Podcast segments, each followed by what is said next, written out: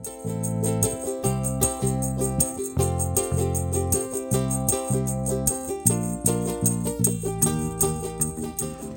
Internett, og velkommen tilbake til Pionpodden, sesong tre, episode to. Eh, jeg må bare si at jeg er så utrolig takknemlig og fornøyd og glad fremdeles for å få lov til å være tilbake. Eh, og en ekstra stor takk i dag til Prosenteret, som lar oss låne deres studio. For alle mine andre episoder har blitt spilt inn i min egen stue. Og dette er jo, eh, skal vi si, hakket mer profesjonelt. Jeg tror også eh, teknikere er veldig glad for at vi er her i dag. Eh, I dag så skal vi snakke med Pions egen jurist, Natasha. Hei. Hei. Hei, tusen, tusen takk for at du er her. Takk for at jeg fikk komme. Jeg Setter veldig pris på det. Så vi har pratet bitte litt før opptak, og det jeg har sagt er at jeg er så glad for å prate med noen som har juridisk kompetanse, fordi jeg kan være veldig mye her i verden, men en jurist er jeg jo ikke. Denne utdanningen har ikke jeg, og da er det mange perspektiver også som jeg vet at andre lurer på. Um, men aller først, kan ikke vi få høre litt om deg? Hvem er du, og hvordan begynte du å jobbe i Pion? Ja, eh, jeg heter da Natasha. Og jeg eh, er den nye juristen til Pion. Eh, Jeg har vel vært tilknytta Pion nå et halvt års tid. Og tok over etter at den forrige juristen som hadde vært der i ti år, slutta. Um, til daglig på, innenfor normal arbeidstid så jobber jeg som jurist i Kirkens Bymisjon. Um, og for et års tid tilbake, tror jeg, så hadde vi besøk av Bjørg i Pion. Som kom og snakket om prosenteret og hva de gjorde, og en del om hvilke juridiske problemstillinger de møtte. Mm. Um, Og det er du ikke få av heller. nei, Nei. De er sammensatte som alle andre menneskers uh, problemstillinger. Um, så når eh, Pion da søkte en, eh, ny jurist nå i våres, så tok jeg umiddelbart kontakt med Astrid, og så tok vi en kaffe, og så var det gjort. Ja. Ja. Veldig, veldig bra. Veldig ålreit eh, for oss også å ha en jurist med på laget. Så Pion er jo en politisk interesseorganisasjon uten partipolitiske bindinger. Eh, Det Pion ikke er, er et helsetiltak. Men, men vi har jo da en jurist som deg som kan hjelpe til med de utfordringene. Og det er kanskje litt viktig å å minne folk om det også. Minne folk på det. For det er ikke så mange som vet at vi har den rådgivningen og kompetansen tilgjengelig. Og som en person som eh, selger sex i Norge, og som selv har lurt på ganske mye, så føler man seg jo litt rådvill. Og det er ikke bare å sette seg ned med lovdata heller.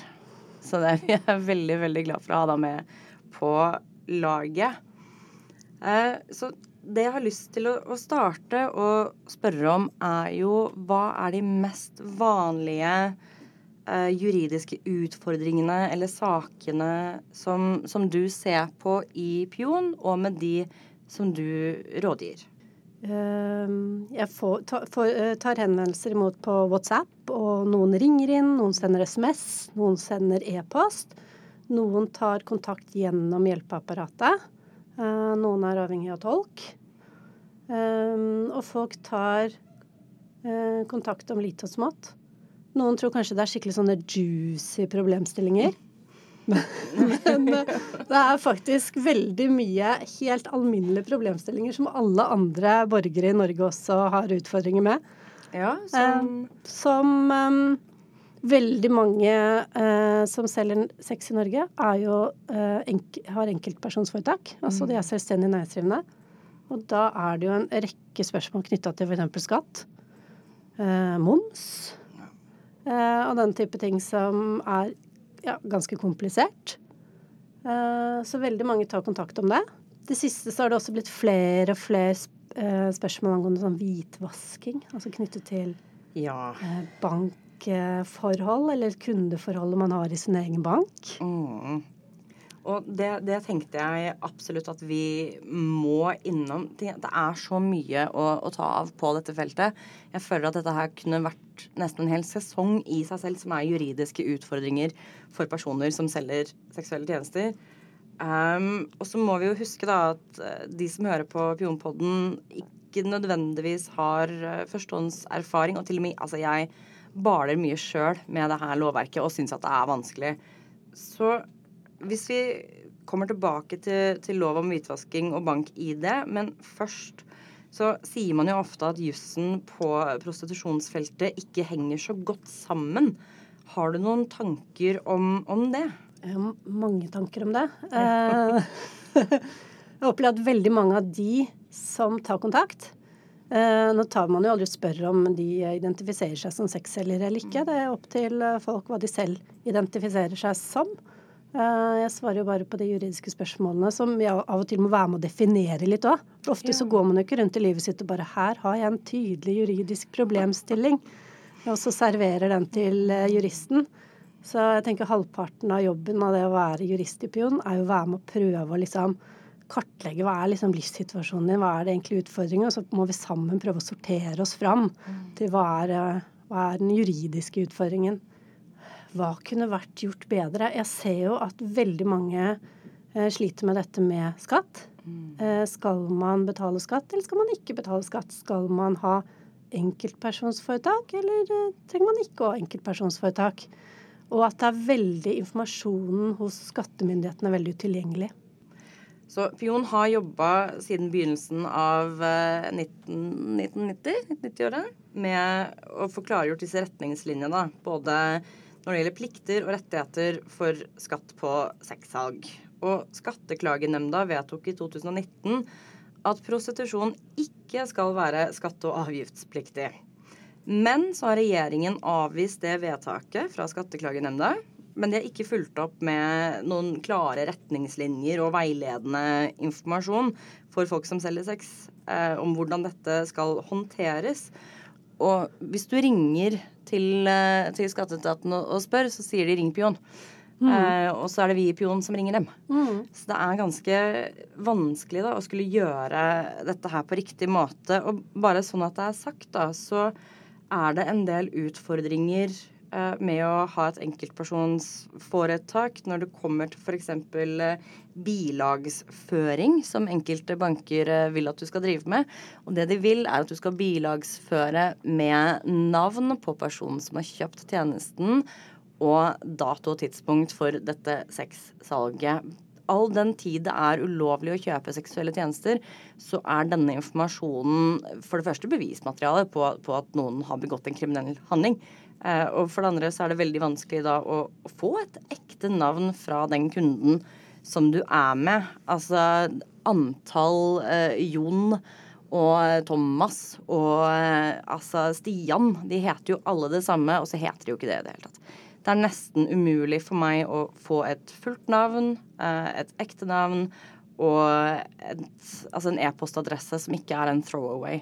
Og tingen er at de som kjøper sex ofte, de er jo ikke dumme, de heller de, de, forstår jo at dette her er kriminelt. De hadde jo aldri liksom gått med på noe bilagsføring eller noe sånt. Og det å skulle prøve å kreve dette her også eh, gjør at vi blir mer utsatt eh, for truende atferd, for eh, potensielt voldelige kunder som blir redde. Eh, så ja, det er igjen, det er stort. Vi kan helt fint lage en, en hel sesong om dette her. Så hvordan er det nå? Vi skal betale skatt. Men betaler vi skatt? Jeg følger deg så på resonnementet ditt, må jeg bare si. Og det du forteller om, er, eh, får jeg mange eh, henvendelser om. Um, jeg tenker at um, det er vanskelig å si et vi, for jeg tenker at sexarbeidere er uh, alle mulige forskjellige typer folk. Så ikke liksom si noe vi og dem og dele oss opp i grupper. Men ja, at det er uh, like mange forskjellige historier som alle andre yrkesgrupper. Noen betaler skatt, andre gjør det ikke. Eh, noen har regnskapsfører, andre har det ikke. Eh, så jeg tenker at her finnes det mange forskjellige variasjoner. Eh, som ellers i næringslivet. Jeg tenker jo at du er helt enig i deg i forhold til at dette når du nevner Skatteklagenemnda Jeg vet ikke om jeg skal fortelle litt sånn veldig kort og enkelt ja, om hva skatteklagenemnda er. Jo, veldig gjerne. For Ja. dette her er jo ikke informasjon som, som folk flest eh, sitter og Ikke sant? Ja. Jeg kan si veldig, veldig, veldig enkelt. Vi har en eh, utgangspunkt så har vi en lov i Norge som er skatteloven. Og den sier at man skal betale skatt på all inntekt. Liksom, den gjelder for alle i Norge. Um, og det vil jo de fleste være enig i. At har du inntekt, skal du betale skatt. Som et utgangspunkt. Um, men så står det jo ingen sted i den loven hva sexarbeid er definert som eller ikke. Og betaler du skatt, så betyr det jo at skatteetaten må kreve inn disse pengene. Eh, De fleste er jo kjent med hva skatteetaten er. Det er de som ja, krever inn skatten din. Og så kan man jo spørre seg hvis eh, da skatteetaten skal kreve inn skatt fra sexarbeidere, er de da kanskje halliker, vil jo noen spørre seg om. Ja. Og da kommer jo hallikparagrafen inn. Mhm. Eh, og skal man dra den langt, kan man si da, da blir staten hallik. ja. Ja. Og det er jo litt selvmotsigende når staten mener at uh, hallikvirksomhet ikke er lovlig. Mhm. uh, og så kan man jo Ja, jeg regner med at de fleste kjenner til uh, definisjonen av hallik, men sånn veldig enkelt forklart så er det jo da en uh, som tilrettelegger for sexarbeid, eller tjener penger på at noen selger sex. Jeg vet ikke om du vil definere hallikarbeid på en annen eller enklere måte? Nei, det er jo da og eh, den som eh, utvetydig For det er også den, den biten jeg henger meg veldig opp til, da, er, er den som utvetydig ved offentlig kunngjøring tilbyr eh, seksuelle tjenester. Så jeg er min egen hallik i det øyeblikket jeg offentlig eh, Altså da legger ut en annonse, f.eks., så er jeg min egen hallik uansett. Um, så la oss si at jeg har et enkeltpersonsforetak, og så har jeg lyst til å skrive av f.eks. annonsene på en eventuell skattemelding. Da dokumenterer jo jeg min egen hallikvirksomhet. Så jeg føler ofte at man blir fanget i disse lovene uansett, da. Og for meg så er dette en del av hvordan jussen på dette feltet ikke henger sammen. Bare én del av det, for det er jo tusen, tusen flere ting.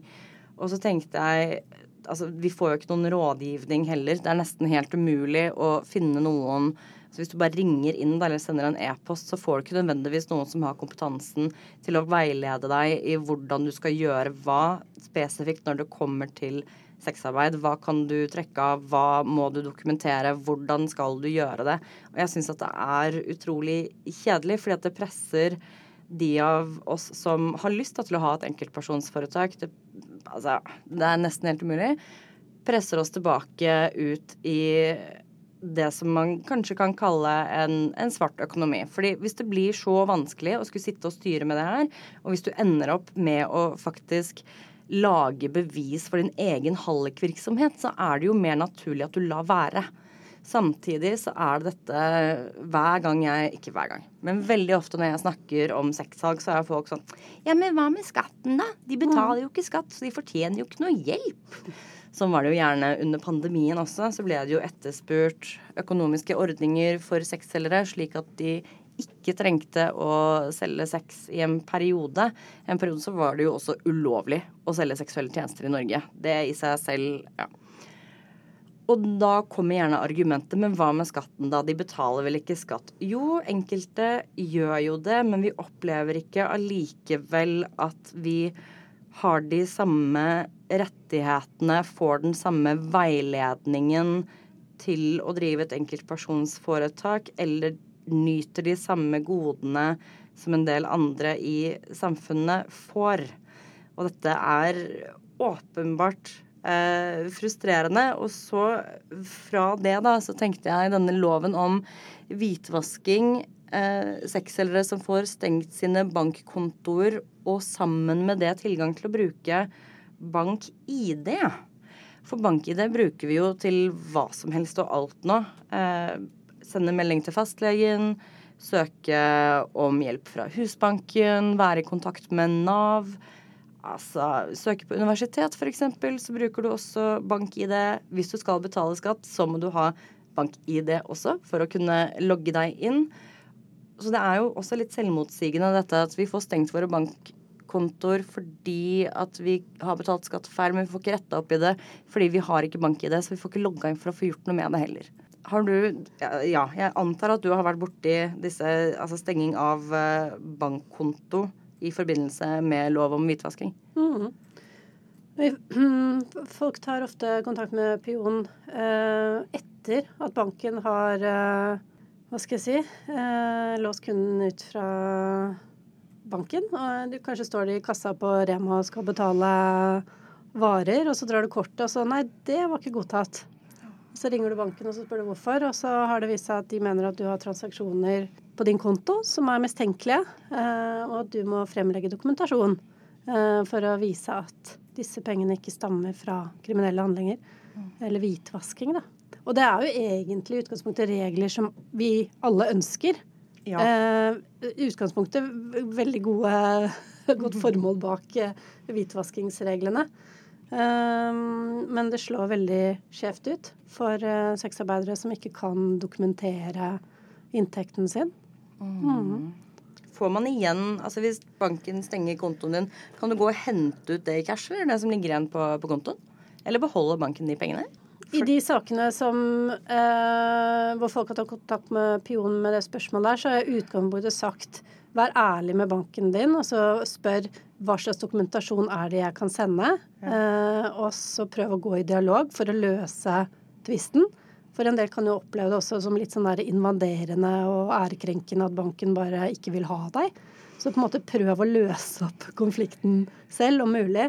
Og det opplever jeg at enkelte banker er ganske kule, andre banker er kjipere. De sakene vi har jobbet, eller jeg har jobbet med i det siste, så har man fått pengene uh, utbetalt uh, til en annen bankkonto. Men uh, i de verste tilfellene så har banken da ønsket å avslutte kundeforholdet. Vedkommende har da måttet etablere en, nytt kundeforhold i en annen bank, da. Mm. Mm. Som du sier, det er invaderende, og det er, det er ganske ubehagelig å også bli gjort til en mistenkt når du prøver å følge reglene. Uh, de aller fleste jeg kjenner, har jo lyst til å være innenfor rammene, så å si de aller fleste av oss tror jeg som selger seksuelle tjenester, gjør det fordi at de trenger penger, ikke fordi at de ønsker å være kriminelle som bedriver eh, bedrageri, hvitvasking eh, og prøver med vilje da å liksom lure banken.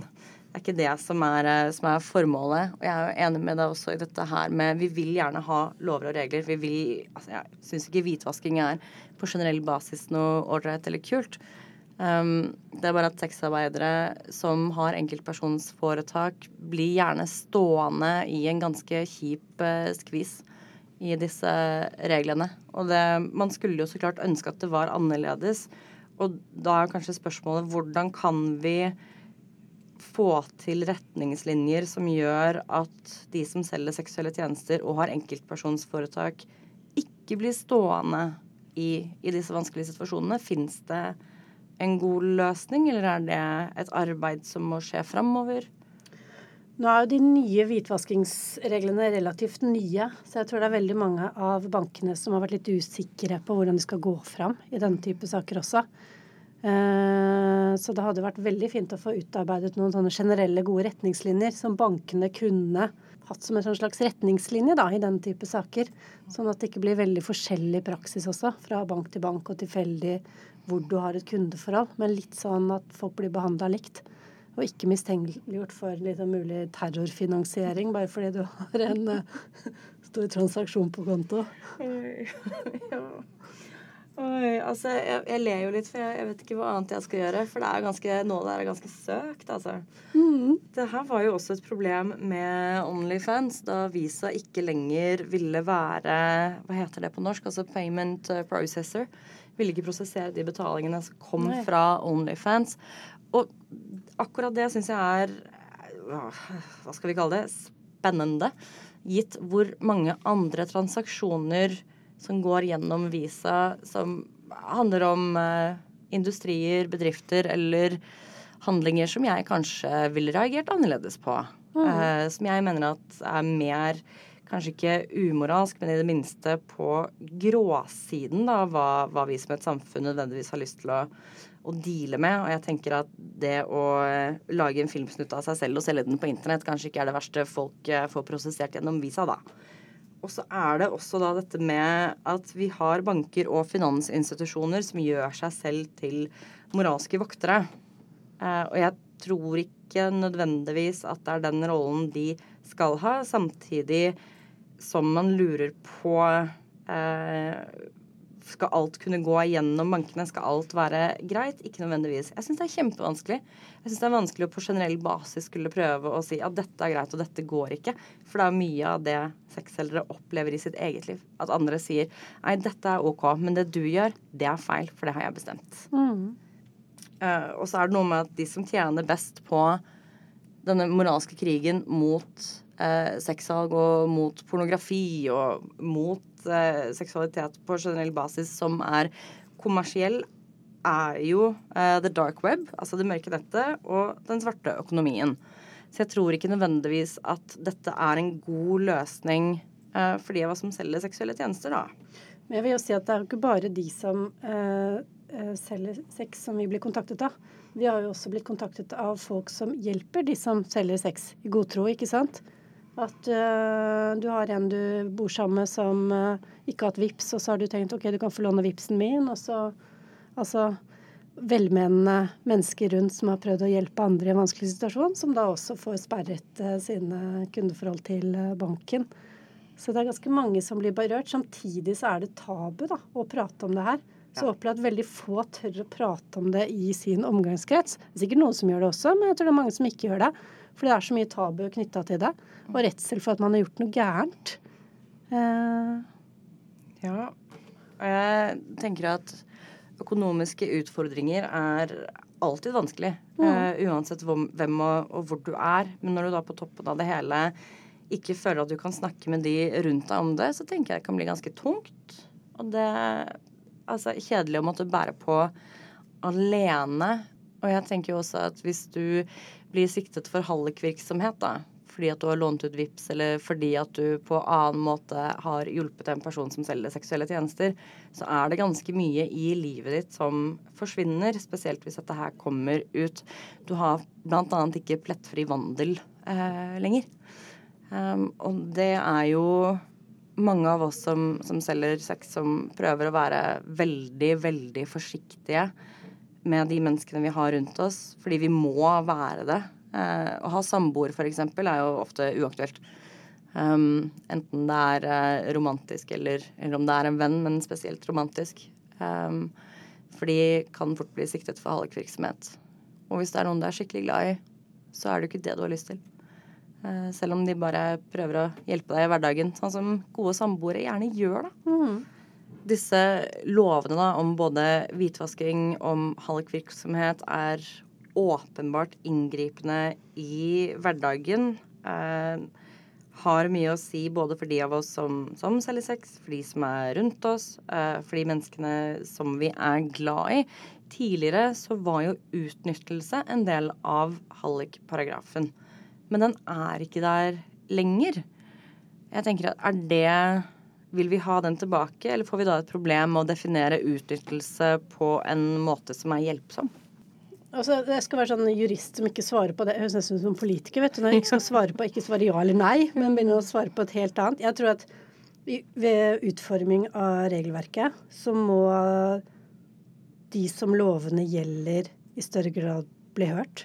Jeg kan sitte her som jurist uh, uten egen erfaring og si hva jeg mener, men jeg tenker at uh, og juristene sikkert i departementet kan sitte og mene det de mener. Men jeg tenker at liksom i utgangspunktet så må man først og fremst høre uh, med de som kjenner på konsekvensen av lovverket selv, uh, og invitere de i, i, når uh, lovverket skal forbedres. Jeg tenker det er det viktigste. Så jeg skal ikke sitte her på noe sånn høyest og så si at det burde være sånn eller sånn. Jeg tenker det viktigste er liksom medvirkning av de som blir påvirka, først og fremst. Det er veldig deilig å, å høre, da. For en som, som ofte sier uh, 'ingenting om oss uten oss'.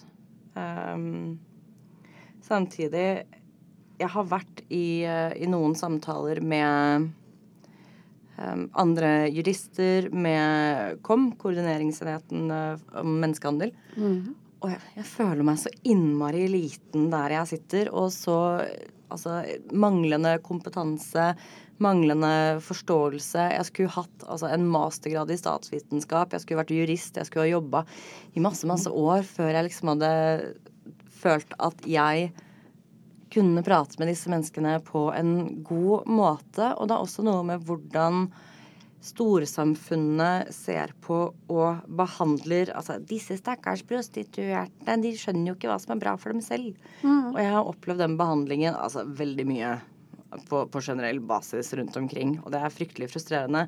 Men det hjelper jo ikke når vi da i tillegg mangler forståelse for lovverket, mangler kompetanse igjen, hvem som helst kan jo sikkert uh, sette seg ned og, og, prøve å forstå lovene som omgår og er rundt deres eget liv, men her er det altså så mye. Så selv om vi blir hørt, og det er òg en ting Det hender at, uh, at man inviterer ut det vi kaller for samfunnsutsatte grupper da, på møter, men de står jo også fritt til å avfeie alt det vi sier.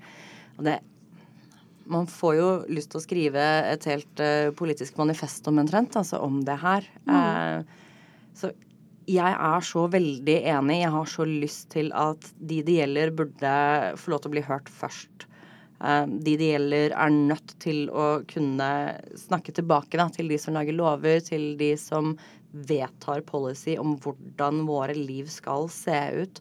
Men jeg finner ofte at det er vanskelig å bli tatt på alvor og at en del av dem kan være temmelig arrogante altså, i, i, i møte med, med sexselgere. Jeg skulle ønske at det også var annerledes. Jeg tenker at det er mye stigma som ligger bak. Jeg tenker at det er mange tanker da, om hvem, hvem vi er. Eller sånn som hun ene i um, Justisdepartementet sa. Vet du, du ser ikke ut som en sånn prostituert. Jeg ble overrasket, jeg. Jeg var litt sånn Kaller du meg stygg, eller? og det var jo ikke det hun mente. Men jeg var litt sånn Tenker du at jeg ikke er pen nok til å Det var jo ikke det i det hele tatt. Det var bare det at jeg pratet godt for meg. Hadde eh, helt vanlige klær. Ingen nettingstrømper, ingen høye støvletter. Eh, ikke så mye utringning. Vanlig skjorte og jeans og sneakers. Og det var ikke det hun forventa i det hele tatt det er jo også et spørsmål om hvor hjelpsomt er det å møte disse menneskene når alt de gjør, er eh, å avfeie og, og, se ned på oss. Det er hjelpsomt. det er hjelpsomt. Vi må fortsette å gjøre det. Vi må virkelig fortsette å gjøre det, for hvis ikke så kommer vi jo absolutt ikke noe sted. Men gud bedre så lyst man får til å bare rope litt eh, på dem noen ganger. Det må være lov å være frustrert. Altså. Dette, denne podkasten er til for å være frustrert, -hmm. fjase, få lov til å være helt seg sjøl. Vi er ikke her for å være så pene i snakketøyet nødvendigvis. Det Fytti rakkeren. Det fins nok steder hvor jeg er nødt til å være den beste utgaven av meg selv og det mest veltilpassede, slik at jeg skal bli tatt på alvor. Ikke her. ja, men kjempebra. Ja. Og så hadde jeg lyst til å spørre om nå har vi snakket om skatt og om hvitvasking og om bank-ID og litt mm. eh, hallikparagraf. Jeg tenker også at veldig mange, majoriteten så vidt vi vet, av de som selger seksuelle tjenester i Norge, er migranter. Er du innom dette feltet også? Antageligvis ja. Absolutt. Ja. Eh, alle mulige etnisiteter og opprinnelsesland og kjønn og ja, alder og det er liksom som alle andre. Det er en mangefasettert uh, gruppe. Det er alle her individer. Så det er uh, sånn til å dra en parallell til det du sa i stad om denne politikeren fra Justisdepartementet som kom med den kommentaren til deg. At det fins ikke én type. Det fins ikke én modell. Man er mye forskjellig. og ja, mange er migranter og har jo ekstra utfordringer Eh, når det gjelder det. Annet når det gjelder eh, utlendingsmyndighetene og utlendingslovverket. Så det er også en rekke utfordringer, helt klart. Fordi om ikke regelverket var utilgjengelig for de som er født og oppvokst i Norge og kan snakke norsk, så er det ikke akkurat enklere for de som ikke har norsk som morsmål. Absolutt. Eh, og utlendingsregelverket snakker ikke nødvendigvis veldig godt med det norske regelverket når det gjelder prostitusjon. Så Nei. Um, Hvordan da, tenker du?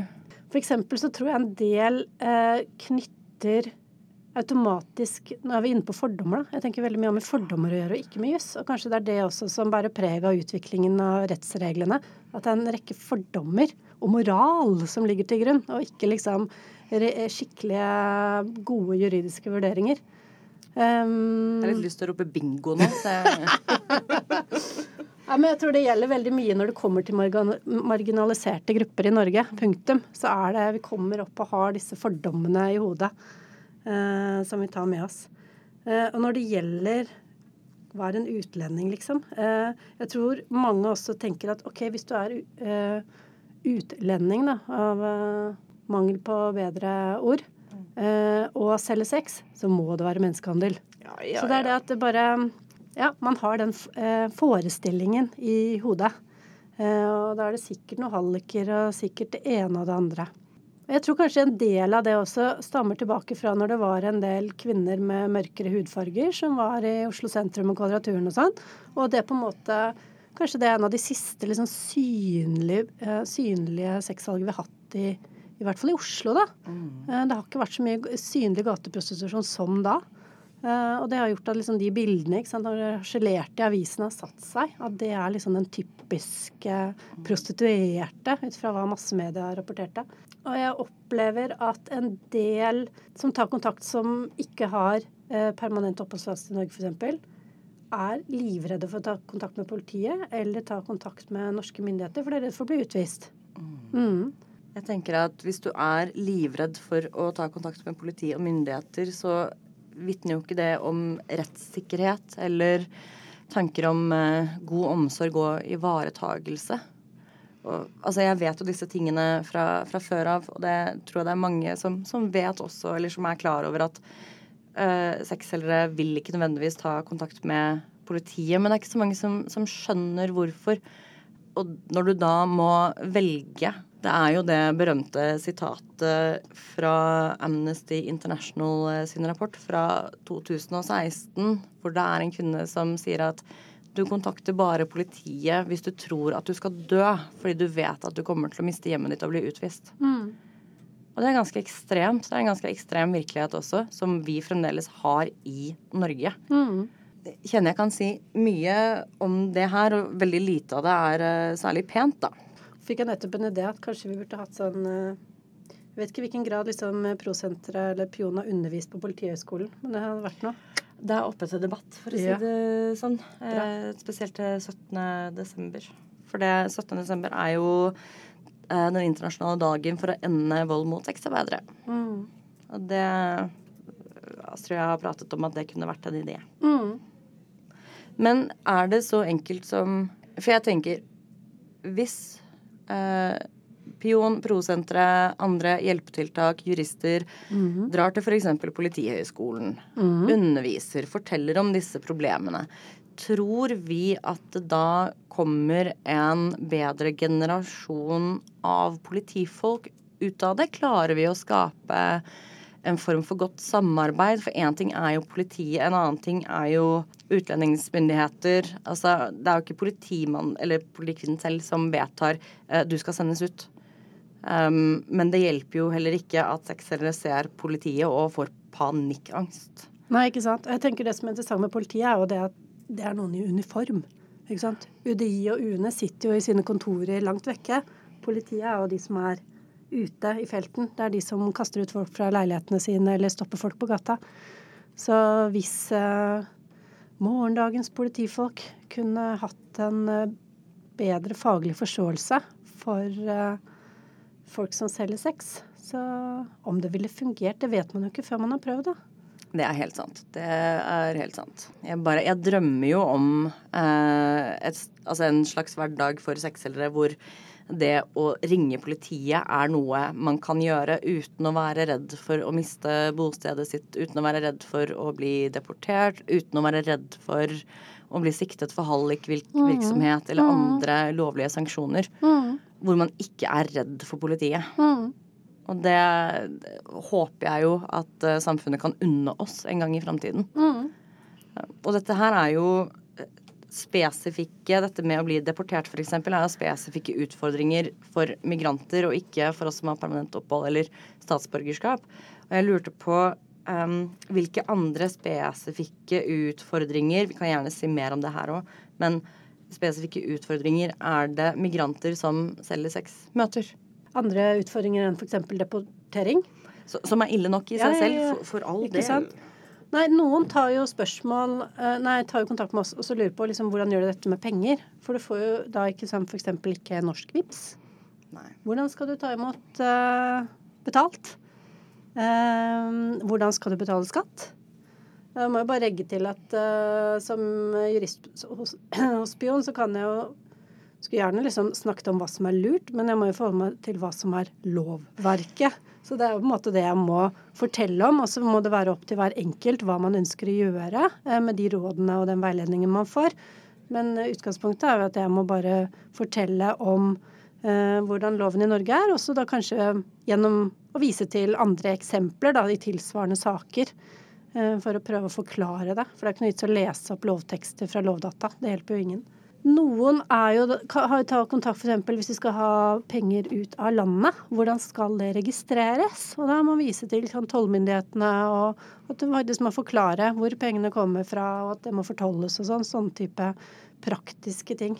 Dette er jo utfordringer som kanskje ikke mange tenker på da, når det kommer til, eh, til sexsalg.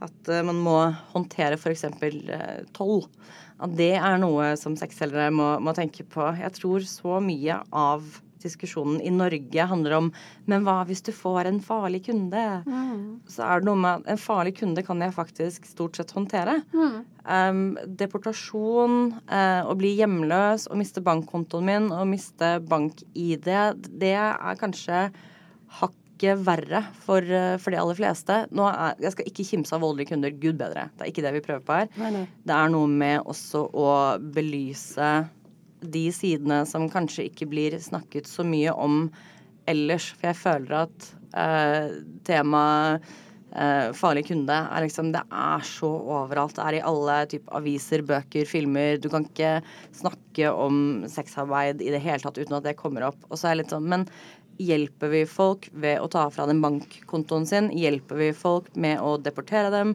Tror dere at noen får det bedre av å bli hjemløse? Jeg tror nemlig ikke det. Jeg tror ikke at dette er god omsorg. Jeg tror ikke at det er en måte å få folk ut av sexsalg på. For tingen er at hvis du da mister leiligheten din og står på bar bakke uten penger, hva gjør du da? Jo, du selger med sex. Mm. Det er jo det man må. Så jeg ser ikke helt at dette er gode løsninger på det som for all del kan være komplekse situasjoner, som kan være eh, store utfordringer. Jeg, jeg, skjønner det, men mm. det er ikke en god løsning. Uh, og jeg har jo en, eh, en god venninne som ble deportert. Uh, og hun sa det verste og mest liksom, nedverdigende med hele greia var at hun måtte betale for sin egen deportasjon. Mm. Og det tror jeg heller ikke folk eh, tenker over. Det er ikke sånn at du bare blir satt på, på et fly. Eh, du, du, må betale for det selv. Mm. Syns jeg det er ganske ufint. Og så har du ikke automatisk liksom en advokat som sitter og holder deg i hånda gjennom det hele heller. Du står ganske aleine. Det er ikke alltid lett å vite hvem eller hvor man skal ringe. Nei. Eh, spesielt hvis det skjer midt på natta. Mm. Eh, det skjer fort. Ja. Ikke sant? Og du blir kanskje satt på Trondheim, eller du blir satt på en avdeling hvor eh, det ikke er så lett og du ikke kjenner noen. Men jeg ser også det at veldig mange av de som tar kontakt, hvert fall som jeg har snakket med, da, som har sånn utlen, ut, utlendingslovsrelaterte spørsmål, tar jo også kontakt under pseudonym. Og det ja. syns jeg er litt interessant, fordi jeg har jo taushetsplikt. Jeg forteller ikke noe til noen. Uh, man kan ringe meg fra helt anonymt nummer. Jeg sletter henvendelsene som kommer inn. Uh, allikevel så tør man ikke å fortelle hva man heter. Jeg tror det sier en del da, om mm. hvor, uh, hvor, redde folk er, hvor nervøse de er. Uh, og kanskje hva slags behandling de kan ha fått før, eller vet at andre kan ha fått før, når de er mm. så, så redde. Så i 2019, tror jeg det var, så skrev uh, Eller Pion var med og bidro til en rapport som heter 'Access to Justice' fra The Global Network of Sex Work Liten munnfull. Mm. Og da intervjuet uh, Pion en person som kom med buss, mener jeg, uh, over grensa da fra Sverige, mm. og skulle være med på, på, Pride. Men det som da skjedde, er jo at politiet går gjennom bussen, uh, begynner å se litt i eiendeler, spør hva folk skal. Eh, om de har tillatelse til å komme seg inn dit. Og det hadde denne personen, for det var da EU-borger. Så det, dette skulle være greit.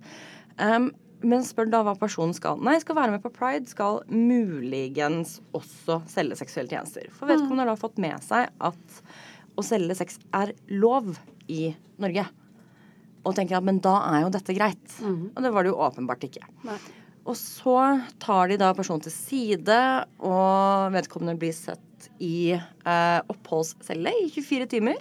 Begynner å grave selvfølgelig i, eh, i eh, eiendeler, hva de har med seg over grensa. Um, og finner veldig mange kondomer samt PREP og PEP. Det viser seg jo at dette er ikke til personen selv, fordi henne er allerede hiv-positiv.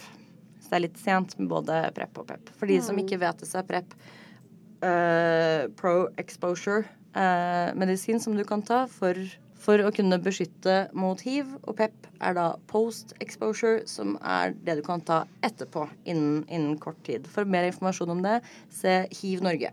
Som en ekstra sånn la oss henge ut denne stakkars uh, sexselgeren, så setter vi da altså personen på en sånn hva heter det på norsk, holdingcell på celle mm. med et A4-ark med navn og fødselsdato og i store bokstaver hiv-positiv. Før da vedkommende blir deportert. Og jeg tenker at det må jo være traumatisk nok å skulle bli deportert. Det må være traumatisk nok å få eh, veldig invaderende spørsmål i ditt eget liv. Eh, og så tenker jeg det er faen meg ingen skam i hiv. Men å da oppleve at helse, som jo skal være beskytta, taushetsbelagt, blir brukt mot deg på den måten, det høres jo ut som noe man kunne ha funnet på på 80-tallet. Og så tror jeg det her skjedde i 2018. Og jeg tenker at det er enkelte folk som jobber i politiet, som kanskje skulle ha gjort noe annet. Kanskje de kunne ha jobba på gård. Eller noe. Altså Et sted hvor de jobber med dyr, da, siden det er sånn de behandler folk, og ikke jobber med folk.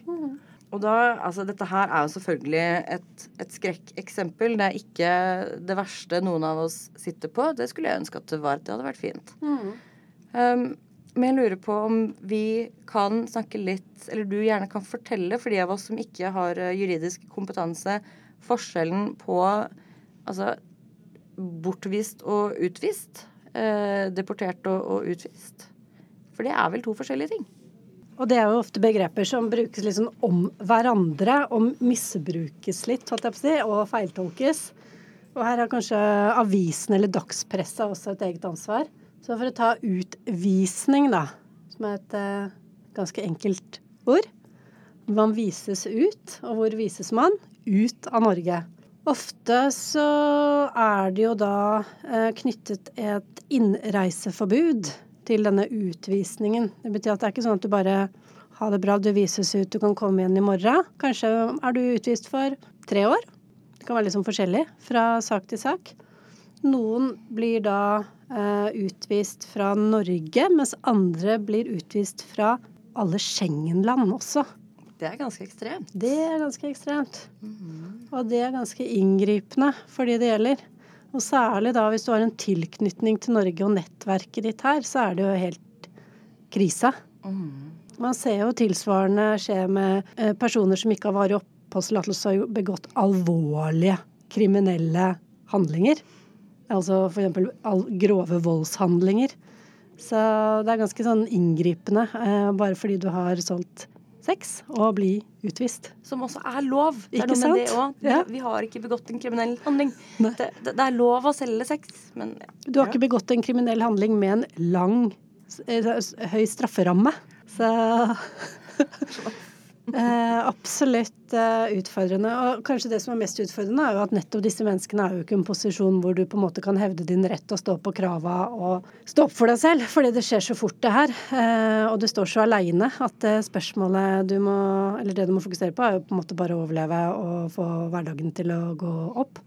Så da blir det kanskje opp til de med eh, fast oppholdstillatelse og norsk statsborgerskap, da, som må ta den kampen for uh, sine kollegaer, hvis man kan kalle det det. Og så er det deport deportasjon. Ja. Og da skal jeg faktisk google her, så jeg ikke sier noe feil. Fordi det er veldig lett å blande disse begrepene. Ja. Ja. For det var jo også under korona at en del ble bortvist. Eh, og da ble jo ofte disse politiet var kanskje litt kjappe ute med å bortvise folk. Og deportasjon er jo da tvungen forvisning, heter det. Det høres veldig sånn juridisk ut. Det som er litt morsomt, da, det er at når du googler det på Store norske leksikon, så får du at deportasjon, det brukes da særlig eh, i forhold til okkupanter og diktaturstyrer for å eliminere motstand og politisk uenighet. Og det syns jeg er litt sånn spennende, bare for å liksom se hva som ligger liksom bak formålet med Når deportasjonen liksom vanligvis brukes. For du får litt sånn perspektiv eh, på hva som egentlig er eh, formålet med deportasjon. Det, det må jeg si. Okkupant det, og, og diktatur, eh, sa du. Det er, mm. det er, vel ikke helt en del av de fleste sexselgeres hverdag. Nei, jeg tror ikke det er målet. Det er ikke det formålet, nei i det hele tatt.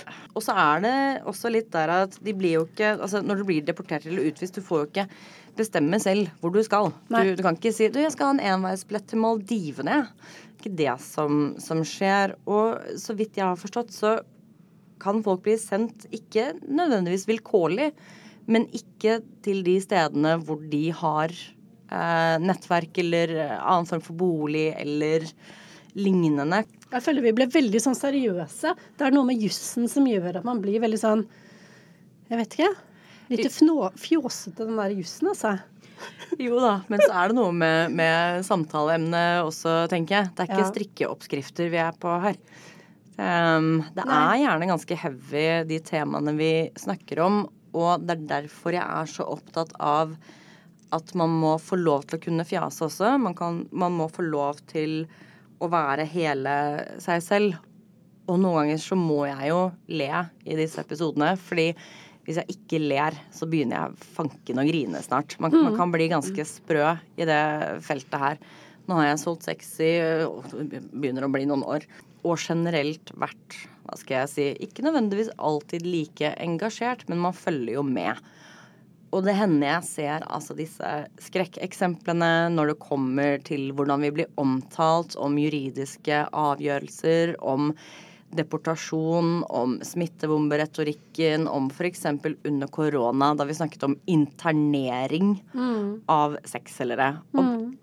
man når jo et, et punkt hvor man blir så at ingenting overrasker meg lenger, tenker jeg. Og så, og så blir jeg jo tidvis sjokkert allikevel. Og jeg har det jo i meg fremdeles til å bli både sint og oppgitt. Men da tenker jeg også at jeg må lage rom for de følelsene. Og så må jeg snakke med, med folk sånn som deg. Og så mm. må jeg prøve å få så mye informasjon. Eh, både for min egen del, men også ut til andre. Fordi jeg tror at veien fremover er sammen med andre og ikke sexselgere alene. Mm. Jeg, jeg, mener veldig tydelig at vi får ikke samfunnsendring uten informasjon. Mm. Og her, som du var inne på i stad, den burde komme spesifikt fra de menneskene det gjelder. Mm. Og en ting jeg er litt forsiktig med i, i denne podkasten Jeg vil jo gjerne ha en balanse av folk som selger seksuelle tjenester, og folk som har faglig kompetanse på, på noen måte. Mm. Eh, men jeg vil ikke dytte andre sexselgere foran meg som en slags sånn Nå skal vi ta din historie, som kan være veldig vanskelig, eller veldig lett, for all mm. del, mm. og bare bruke som en sånn slags uh, token for mm. at podkasten skal bli stor, eller for at podkasten skal få flere lyttere. Det må være en balanse, og det skal ikke være slik at vi har med folk bare som et slags symbol som vi dytter foran oss. Nei. For jeg vet veldig godt hvordan det er å være det symbolet som folk har dytta foran. Men vi har faktisk snakket med én sexselger, mm. Eh, og hun sa disse tingene. Og vi var uenige, da, men mm. da trenger ikke vi å konsultere med noen andre. Nei, men da vet jeg, Nå vil jeg si bare komme på en, sånn, en fellesnevner med de som har tatt kontakt med meg i år, som mm. jeg har snakket med. Uh, bare som det er sagt, så driver jeg ikke og lagrer noen personopplysninger, men jeg husker en del oppi hodet for det. Ja. I forhold til saker. Og det er jo ikke den derre offerkvinnen i møte med en mannlig overgriper som er problematikken. det er jo enkeltmennesket i møte med staten Norge. Mm. Det er enkeltmennesket i møte med finansavtaleloven, det er enkeltmennesket i møte med hvitvaskingsloven, det er enkeltmennesket i møte med skatteloven, det er kanskje enkeltmennesker møte med barnevernet. Mm. Eh, for noen sender bekymringsmelding fordi du selger sex og tror de har noe med din omsorgskompetanse å gjøre. Men det, det er enkeltmennesket i møte med staten Norge, eh, for å si det veldig enkelt. Og det syns jeg er litt interessant. Eh, hvem det er som på en måte er, er part i de sakene som jeg i hvert fall er innom, da.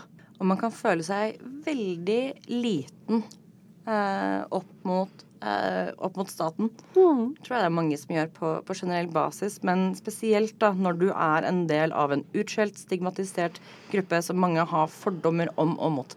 Det, det, er ikke rart at man er redd, at man er anonym selv med noen som har taushetsplikt. At man prøver å bare samle seg, dekke seg eh, og komme seg helskinna gjennom. Og det All ære til alle de folka som står opp mot det her. Eh, jeg kjenner at jeg har vært borti bare en brøkdel av det andre mennesker eh, har. Jeg føler meg absolutt heldig, privilegert. Jeg skulle ønske jeg kunne liksom feiret og hyllet alle de menneskene som står opp, da, for mm. å være litt sånn Stå opp mot makta! Wow.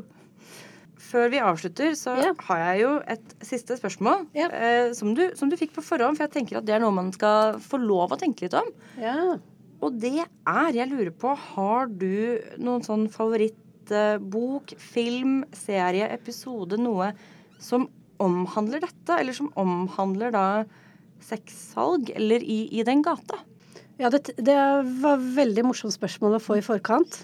Og så var det veldig åpent. Og så tenkte jeg hvor skal jeg begynne? For her er det Kunne jeg egentlig bare valgt med noe. Og så kom jeg faktisk til noe som verken er liksom eh, tekst eller film eller sang eller artikkel eller bok, men noe helt annet. Ja. Og det er nemlig fordi før jeg var, eh, ble jurist, så tok den utdannelsen, så jobbet jeg som fotograf. Eh, og var veldig opptatt av street photography. Mm.